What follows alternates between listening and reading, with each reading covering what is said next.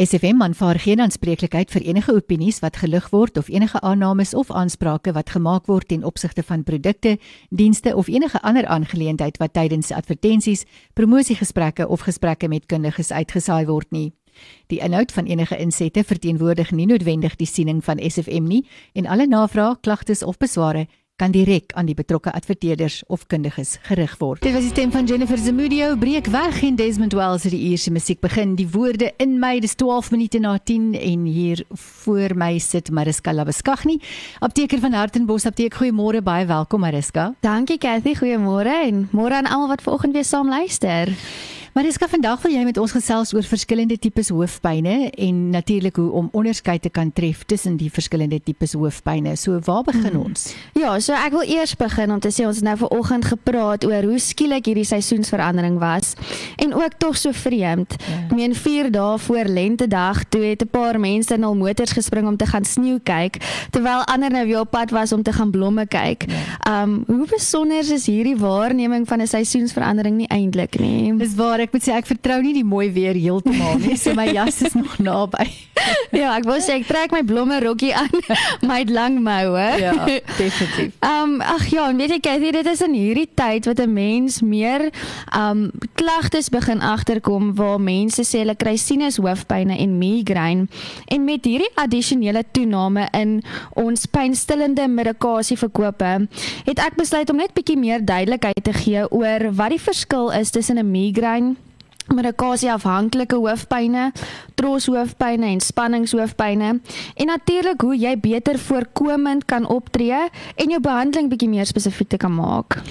So vertel ons net eers watter soort hoofpyn is die mees algemene hoofpyn en en dan miskien ook net moet jy vir ons verduidelik is daar 'n verskil tussen die hoofpynne wat mans en vrouens kry? Ja, okay, so die primêre hoofpynne wat jou oorheersende soort hoofpynne is, is waar 60 tot 80% van die populasie spanningshoofpynne ervaar. Hmm. En net 15 tot 30% van die populasie migraine ervaar. Wat vir my nogal 'n skokkende statistiek is. Ja. Troshoofpynne is ook 'n primêre soort hoofpyn, maar hy word normaalweg gemisdiagnoseer en verkeerd behandel. Nou eers primêr, nou het ons sekondêre hoofpynne. Hy kom gereeld saam met jou primêre hoofpyn ook voor. Um en hierdie sekondêre hoofpyn is jou medikasie misbruik of jou medikasie afhanklike soort hoofpyn. Nou jou migraine en jou spanningshoofpyn is baie meer algemeen in vrouens en ook weens hulle hormonale faktore wat 'n rol kan speel. Ja. Terwyl troshoofpyne meer algemeen in mans voorkom. En hy kom voor in een uit elke 1000 mense en hy's veral gewild amper wil ek sê onder rokers. So jou medikasie afhanklike hoofpyne affekteer tot en met 1 uit 50 mense en hy kom ook weer meer onder vrouens voor. Hmm. 2/3 van die mense wat ehm um, medikasie misbruik, het migraine en 27% het spanningshoofpyn. Joh, ja, dit klink omtrent na 'n beskrywing van ons wêreld, nê? Nee. ja. So Mariska, wat veroorsaak hierdie soort primêre hoofpynne? Okay, so Cathy, as ons praat van oorsake as dit kom by hoofpynne, praat ons eintlik maar meer van snellers of in Engels gesê jou migraine of hoofpyn triggers. So ek wil begin by migraine, jou algemeenste migraine snellers. Die een grootste faktor is stres. Um dit kan emosionele stres wees, angstigheid, depressie, spanning en dan ook iets soos opwinding. Mm. Dan goed soos veranderinge in jou slaappatrone. En dan weer eens hormonale veranderinge veral in vrouens. Ja. En ook in jou menstruasietyd.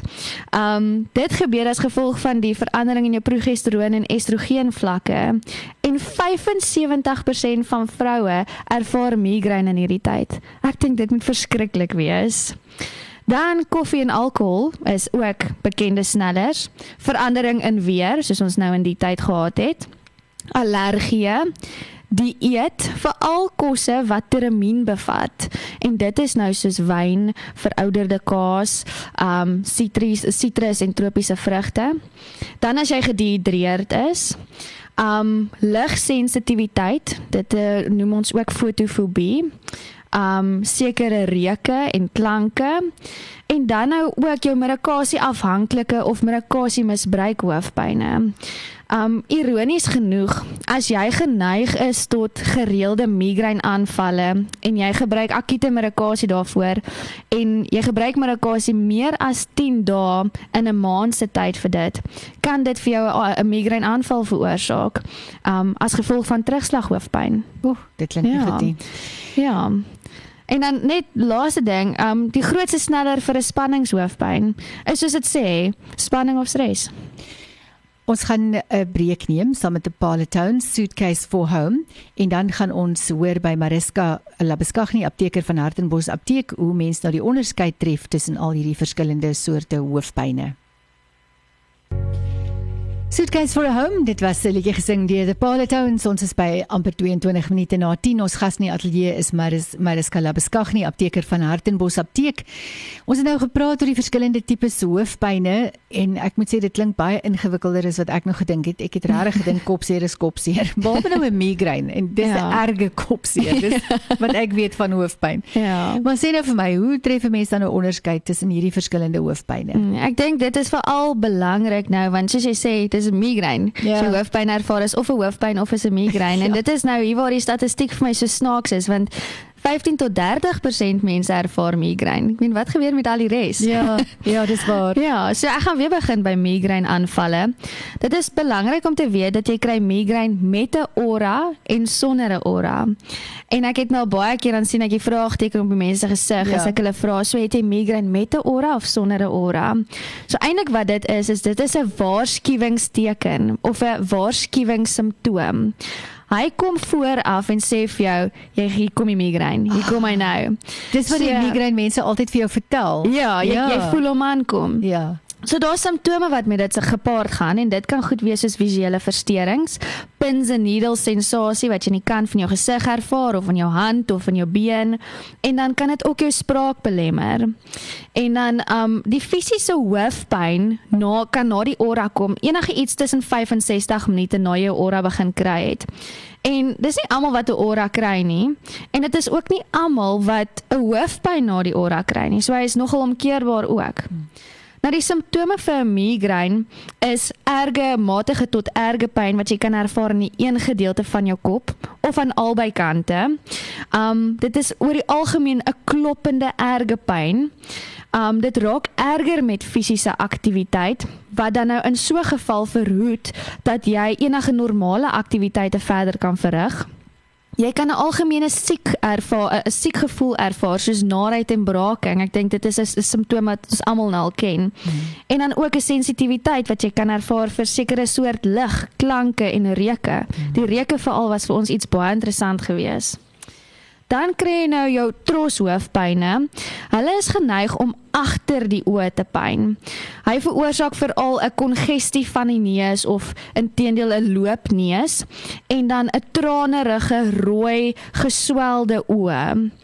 Uh, die soort aanvalle is maklik erkenbaar omdat dit 'n onrustigheid veroorsaak. Hierdie mense kan nie stil sit nie. Hulle moet beweeg want as hulle stil sit, vererger die pyn. So hulle sal heeltyd heen en weer wieg of op en af beweeg.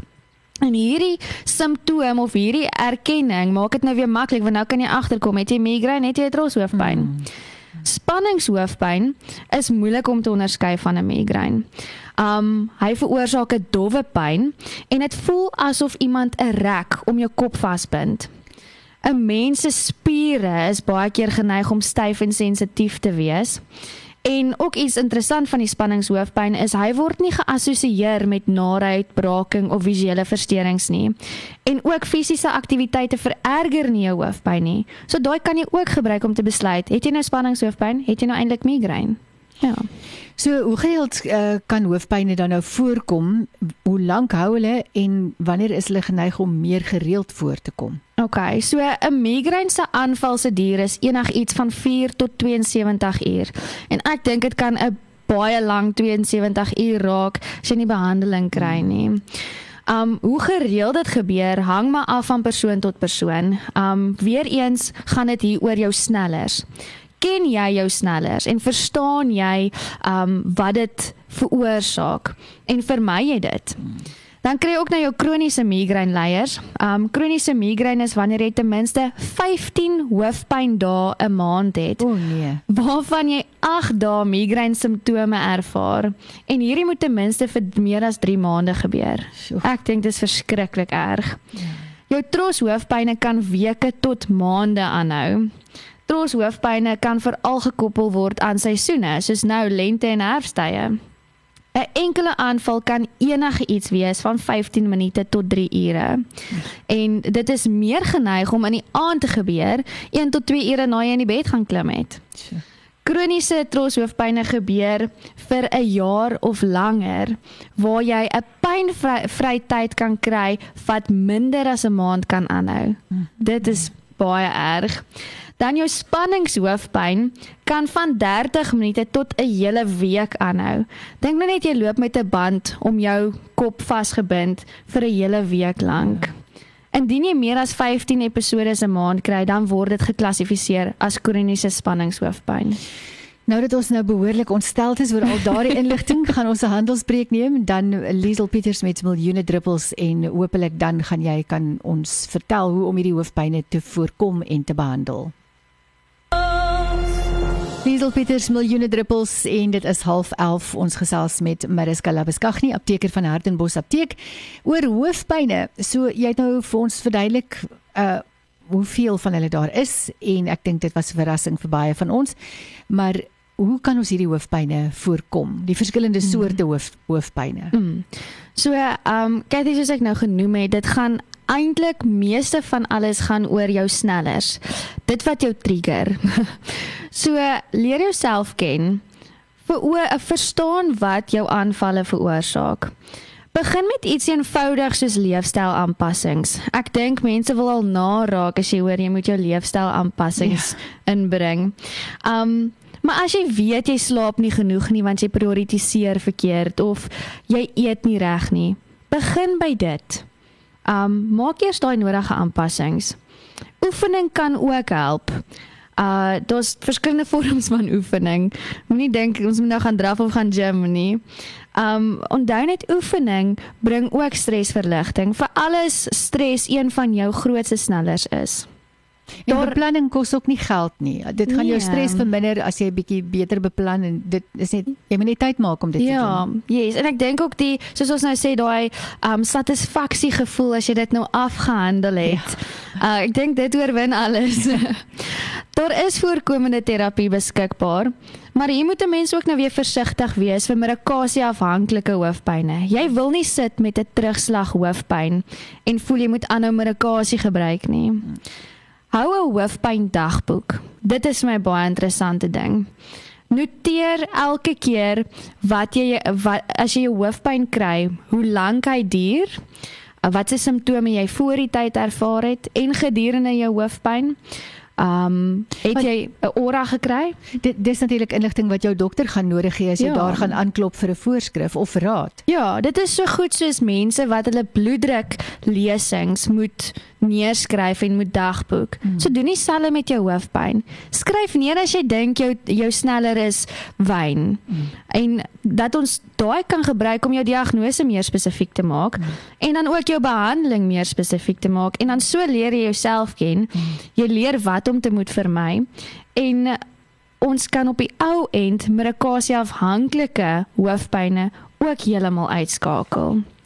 Kathy ek wil afsluit met um iets wat ek dink ons is nou almal, ek dink die hele wêreld was nou regtig deur 'n moeilike jaar en 'n half. En Anne Lamott vat dit vir my so mooi saam. Sy sê amper alles werk as jy dit net vir 'n klein rukkie afsit. Insluitend jouself. Ek meen hoeveel keer het ons in die apteek nie die uh tegnikuste uitgebel as ons rekenaars nie wil aan nie of as dit nie wil afgaan nie of as die sisteme van lyn af is. Dan is die eerste ding altyd wat hulle vra, "Maar mevrou, het jy dit al aan en af gesit?" so neem 'n tydjie vir jouself. Skakel net 'n bietjie af. Al is dit net vir 'n paar minute. Ja, dit kan 'n baie baie groot verskil maak en uh, jy weet as 'n mens eers daai klein goedkoop veranderingkies doen wat mm. geen geld kos nie en jy sien dit werk, dan spaar jy jou dalk nou nog 'n hele klomp. Ja. Met dis medikasie en en goed mm. in die proses. Ons het vanoggend het nou gepraat toe ek jy inkom ook. Ek meen ons het die natuur tot ons beskikking en dit is alles verniet. Ja. Ons kan dit net gebruik. Maar dis baie dankie vir jou tyd vanoggend. Ons praat binnekort weer met jou. Sy